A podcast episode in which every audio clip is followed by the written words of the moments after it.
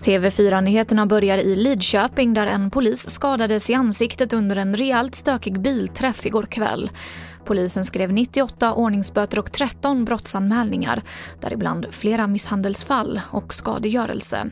Omkring 600 fordon var på plats under träffen som avslutades vid ett-tiden i natt.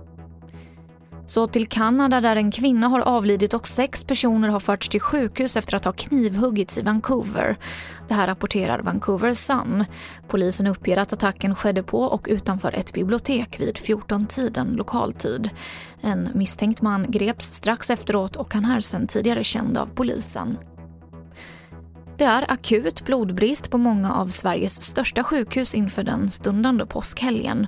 Och värst är det i Göteborg där blodgivarna minskat med 30 procent på ett år. Och coronapandemin ses som en orsak till problemet. Och jag avslutar med att berätta att i natt klockan två så blev det sommartid igen. Klockan ställdes fram en timme, en ordning som trots ökat motstånd ser ut att fortsätta åtminstone i några år till. Och det var det senaste från TV4 Nyheterna. Jag heter Emily Olsson.